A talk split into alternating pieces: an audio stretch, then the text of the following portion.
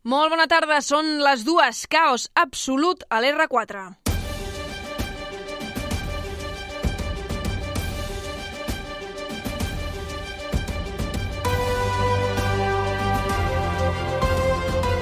Notícies migdia, amb Helena Molist. Potser no sorprèn a ningú, però avui l'R4, la línia que passa per Sabadell, ha viscut un autèntic caos. Aquesta matinada han robat 120 metres de cable de la catenària de l'estació Sabadell Sud, el que ha provocat que els trens haguessin de circular per una sola via tant l'R4 com també l'R7, el que passa per l'Autònoma. Doncs bé, si més d'un cop hem parlat de retards a Renfe, la situació d'avui ha sigut encara més desesperant. Durant tot el matí només ha circulat un tren, un, per sentit cada hora. Ja us podeu imaginar com s'han sentit els veïns quan han hagut d'anar a agafar el tren. Els escoltarem, però, d'aquí a uns minuts. Avui també parlarem de cultura, concretament de cinema i d'òpera, perquè avui s'estrena a la faràndula l'òpera Manel Lescó. Tot plegat us ho explicarem en 15 minutets amb la feinada del Departament d'Informatius i amb la reina de ràdio Sabadell, la Beatriz Aguilar, al control tècnic. Notícies migdia. La informació en 15 minuts. Els serveis. Parlàvem d'aquest caos de Renfe que comença a ser habitual, però com circula hores d'ara Rodalies? Li preguntem a l'Albert Garran. Molt bona tarda. Què tal? Bona tarda. Doncs eh, destaquem hores d'ara que Rodalies ja s'ha recuperat la circulació a la línia R4 i també a la línia R7 entre Sabadell Sud i Montcada Bifurcació, que recordem ha estat interrompuda durant el matí per robatori de cable de la catenària. S'espera, per tant, que les freqüències de pas es vagin recuperant de manera progressiva. Pel que fa a la resta de la xarxa, parlem de normalitat i no destaquem cap altra alteració significativa. Així que, de moment, això és tot des del Transmet. Bona tarda. Bona tarda, Albert, i on també parlem de normalitat és a les carreteres que envolten la ciutat, perquè a hores d'ara no trobem retencions en cap punt. La notícia del dia. Us ho comentàvem i us ho comentava també l'Albert Garran, restablerta la circulació a l'R4 després de més de 5 hores amb la línia de Rodalies que passa per Sabadell afectada. Els tècnics de DIF han aconseguit reparar els danys causats per un robatori de cable de la catenària a Sabadell Sud. Als vols de les 11 del matí s'ha recuperat el servei ferroviari per les dues vies entre Sabadell i Montcada Bifurcació, tallat des de les 7 del matí en una jornada difícil. Tot i la presència d'un informador, a molts usuaris no els ha arribat l'actualització dels serveis alternatius i els usuaris desorientats han mostrat el seu malestar.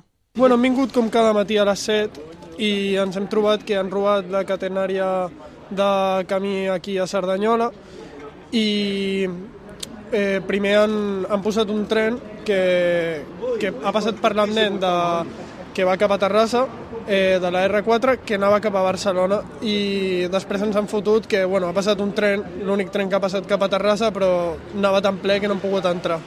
I tampoc n'hi ha tècnics ni res que ens puguin dir què fer. Ni... No, no han dit res, o sigui, perquè jo he anat a, a la parada de l'E3 i he vist des de Junts que estava aquest autocar, però no n'hi ha ningú, no hi ha cap informació i no ens han dit res. I amb vagues de Renfe i no n'hi ha opcions i també, no sé, en general el transport per Rodalies no està molt bé. El servei anul·lat entre Cerdanyola i la Universitat Autònoma, Renfe l'ha cobert amb un autocar, però els passatgers s'han anat trobant amb diferents incidències. He agafat l'R7, que passa per Sant Feliu, en teoria m'havia deixat l'Autònoma, però a Montcada bifurcació el tren s'ha variat. Llavors hem hagut d'esperar allà, hem agafat el tren de Manresa, que no sortia, de Terrassa tampoc sortia, hem hagut d'esperar el mateix de Manresa, que tampoc, o sigui, ha trigat 15 minuts en sortir, i llavors arribat aquí era d'agafar l'E3 fins a Autònoma. Anava a pillar el de Manresa, després deia que passava una Lleida i no ha passat mai. De sobte han començat a passar els que anaven a Barcelona per la via que va a Manresa i he vingut aquí a pillar el bus però tampoc passa. Buscaremos otra alternativa, un bus o alguna cosa buscaremos.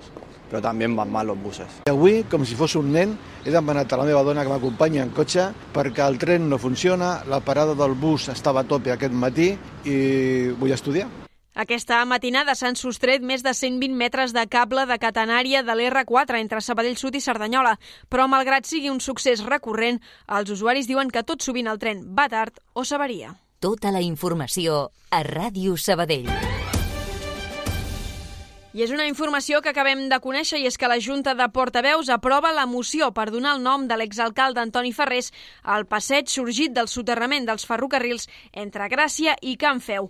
Una moció d'Esquerra Republicana que ha rebut 24 suports, comptant els proposants, el PSC, la Crida, Junts i en Comú Podem, Vox i el PP s'hi han abstingut. Pau Durant, molt bona tarda. Bona tarda, Helena. També s'insta a executar mocions aprovades per donar noms a carrers i places com Muriel Casals, Pere Casal d'Àliga i Xavier Vinadep, així com retirar subjectes relacionats amb l'esclavisme o les dictadures de Franco i Primo de Rivera.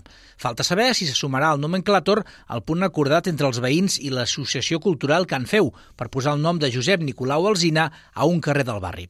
Esquerra Republicana ja s'hi ha mostrat favorable. I no hi ha un dia que no parlem de la Ronda Nord, i és que ara el govern de la Generalitat s'espolsa la responsabilitat sobre la B40. En la sessió de control al Parlament, la diputada de la CUP, Mar Empordanès, ha denunciat el negacionisme climàtic del govern, afirmant que la B40 o Ronda Nord només afegirà més cotxes a l'equació.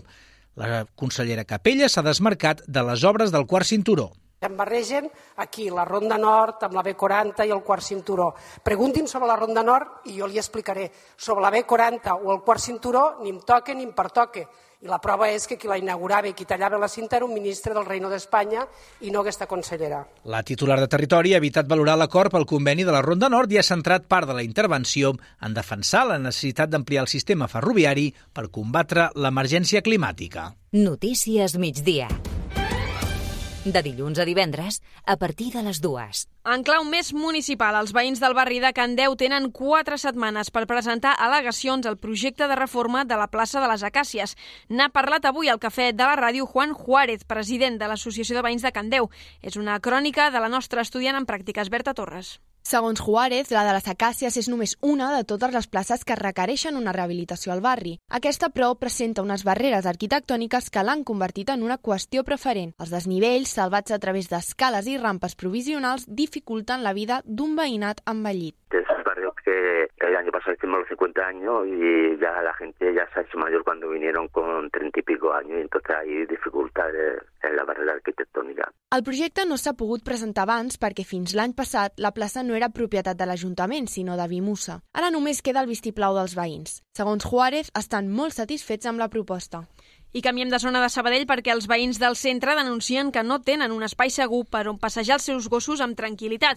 Defensen que altres barris, com per exemple la Creu Alta, tenen un espai amb tanques on els animals poden córrer tranquils. Una denúncia que ja van traslladar a l'Ajuntament l'any 2020, qui després de molt insistir els va prometre un espai que hores d'ara no s'ha construït. La Carmeta, veïna del barri, expressa així el seu malestar.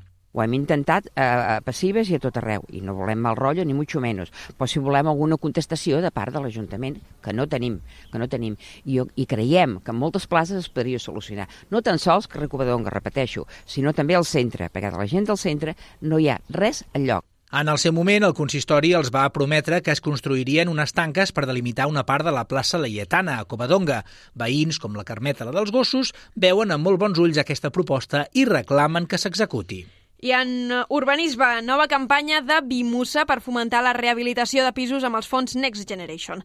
L'objectiu és arribar al màxim de propietaris i propietàries d'habitatges de Sabadell perquè puguin aprofitar els ajuts que estan oberts fins al 30 de juny del 2024. Les obres que es poden subvencionar són les que estan destinades a millorar l'eficiència i l'estalvi energètic dels edificis i dels habitatges, com per exemple la substitució de finestres. El portaveu de govern i tinent d'alcaldessa, Eloi Cortés, explica per què cal aprofitar aquestes subvencions perquè ens permet actuar en el cost, en la despesa en matèria d'energia que tenen les famílies, ens permet reduir el consum energètic i també ens permet eh, renovar i millorar els propis edificis i, i habitatges, no? que amb un parc eh, tan envellit com el que tenim a la, nostra, a la nostra ciutat és molt important. Qui vulgui més informació pot anar a l'oficina de rehabilitació o es pot informar al web estrena.cat. I fem una pinzellada als esports perquè el nombre d'inscrits a la dotzena edició de la cursa Corro contra el càncer ja voreja el miler d'inscrits. La iniciativa tindrà lloc el pròxim diumenge 25 de febrer amb sortida i arribada a la plaça de la Creu Alta Pau. Sí, des de Wirran, l'organitzadora de la ciutat, esperen assolir xifres prepandèmia. Això vol dir tenir entre 1.700 i 2.000 participants i recaptar uns 15.000 euros. Uns diners que es destinaran a l'Associació contra el Càncer. Precisament, l'ambaixador d'enguany és el Jordi López. Aquí l'esport el va ajudar a superar la malaltia. Com va ser un, com un repte esportiu. Eh, jo tenia normalment la quimioteràpia cada, cada tres setmanes, les dues primeres estava bastant, bastant dèbil per no moure'm de casa, però a la tercera setmana ja sortia a fer, a fer la meva ronda, igual feia dos quilòmetres, després arribava a casa, igual dormia quatre hores, perquè estava, semblava que havia fet una marató, no? Però això és el, el que potser doncs, em, em, em va ajudar a estar fort, no? El tret de sortida a la Corro contra el càncer serà a dos quarts d'onze del matí de diumenge.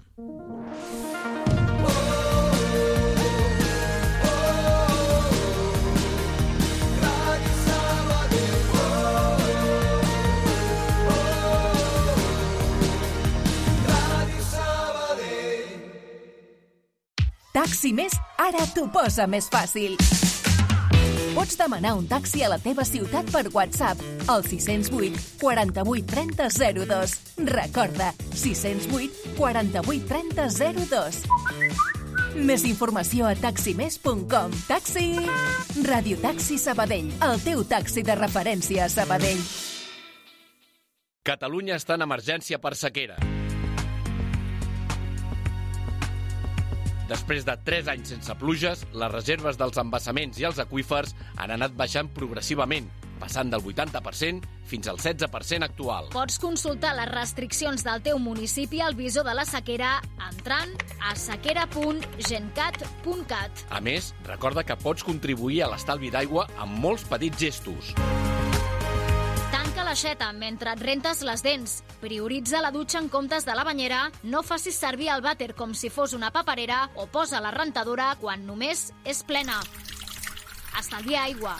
És urgent. És un missatge de la Generalitat de Catalunya amb la col·laboració de Ràdio Sabadell. Ràdio Sabadell. Notícies. Cultura. Arriba la tercera edició de La Gran Pantalla, el festival cinematogràfic per desmuntar estereotips sobre les persones grans que es fa del 27 de febrer al 3 de març a Sabadell com a mostra internacional de cinema 60 més. Hi haurà curtmetratges, pel·lícules i xerrades posteriors a les projeccions. El curt participatiu a la Bretxa es projectarà als complexos de persones grans els dies 27, 28 i 29 de febrer.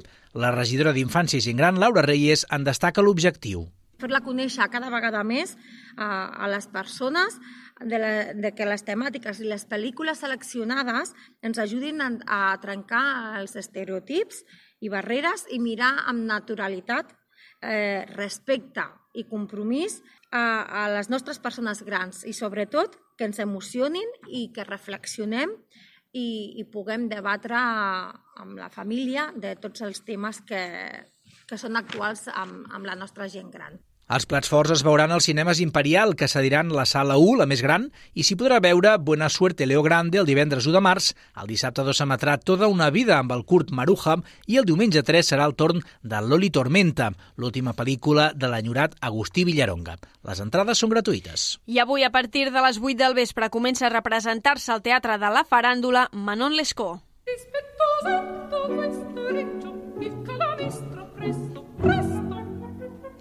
Es tracta del tercer espectacle de la temporada de la Fundació Òpera Catalunya i el primer dels dos que es dedicaran al centenari de la mort de Giacomo Puccini, el seu compositor. La força no rau tant en la història en si mateixa com sí en la capacitat de Puccini per tractar els sentiments al llarg de l'obra i per redescobrir llenguatges.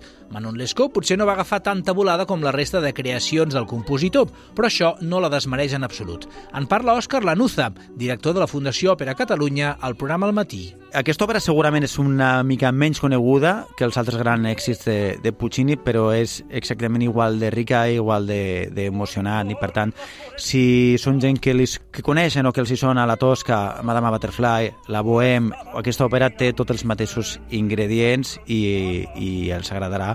Les funcions continuaran el divendres a les 8 del vespre i diumenge a les 6 de la tarda i a partir del març l'espectacle anirà de gira per set ciutats catalanes més.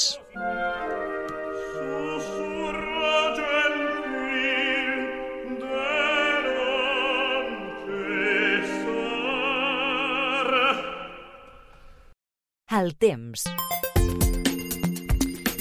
S'hi haurà d'anar, doncs, a la faràndula, però primer hem de saber quin temps farà per si hem de portar paraigües o no, que no crec perquè hi ha una sequera de caldeu. Lluís Mi Pérez, molt bon dia. Què ens espera per les pròximes hores?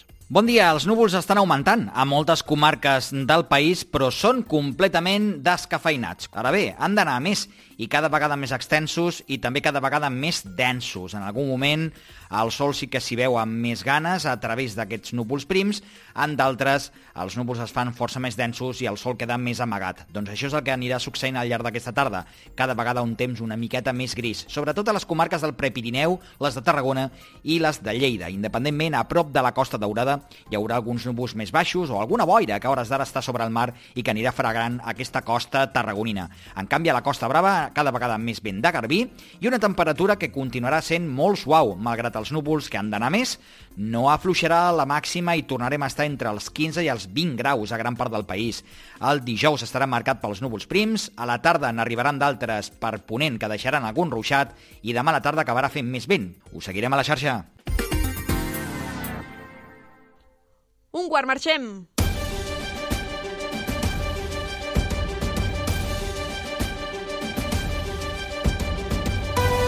Marxem, però seguim treballant. Podeu trobar tota la informació que necessiteu sobre Sabadell i una mica més al nostre portal web radiosabadell.fm, així com també les nostres xarxes socials. Si voleu tornar a escoltar aquest informatiu perquè us ha agradat molt, també ho podeu fer allà. Que vagi molt bé, adeu. Allà on siguis, escolta'ns online. En directe.radiosabadell.fm